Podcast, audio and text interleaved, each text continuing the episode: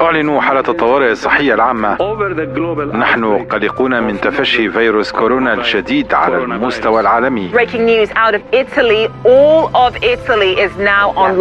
أكثر من 112 دولة وصل إليها الفيروس. وقرر التعليق الدراسة في كافة المؤسسات التعليمية في السلطنة بمختلف مستوياتها لمدة شهر واحد. إلى أين يتجه العالم وسط كل هذه المخاوف والصراعات التي آثارها فيروس كورونا المستجد؟ ألغيت الرحلات وأغلقت المساجد والمدارس أبوابها وانتشرت الشائعات بكثرة على الإنترنت وفرغت الصيدليات من المعقمات والكمامات وعزلت مدن كانت تكاد ألا تنام كل هذا بسبب اندلاع شرارة فيروس أصبحت تحارب العالم بأكمله وتزايد القلق حيال هذا الفيروس المستجد.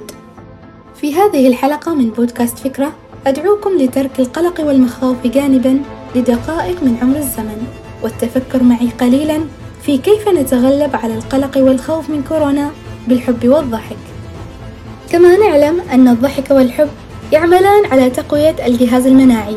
وخلال فترة انتشار فيروس كورونا في العالم يتعرض الكثير منا للخوف والقلق من هذا الفيروس.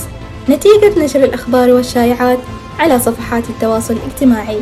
لذلك حاول أن يكون لديك وقت من الفكاهة والضحك يوميا في ظل انتشار الفيروس لأن الخوف يضعف الجهاز المناعي.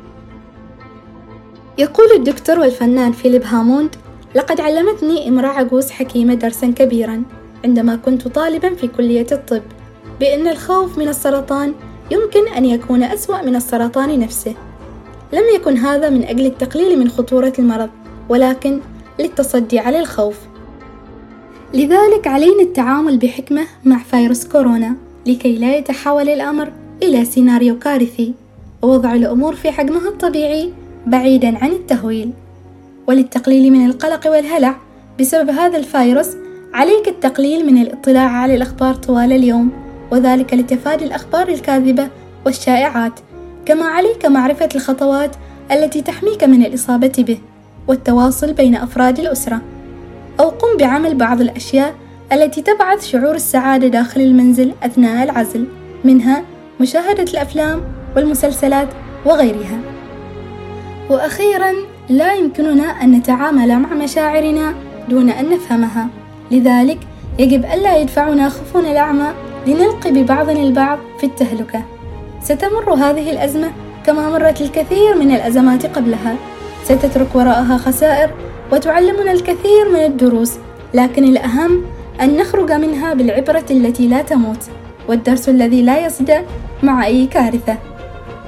إننا معا بإنسانيتنا وتراحمنا أكثر وعقلانيتنا الإنسانية أشجع بالانتصار على الخوف الذي قد ينتصر على الكارثة.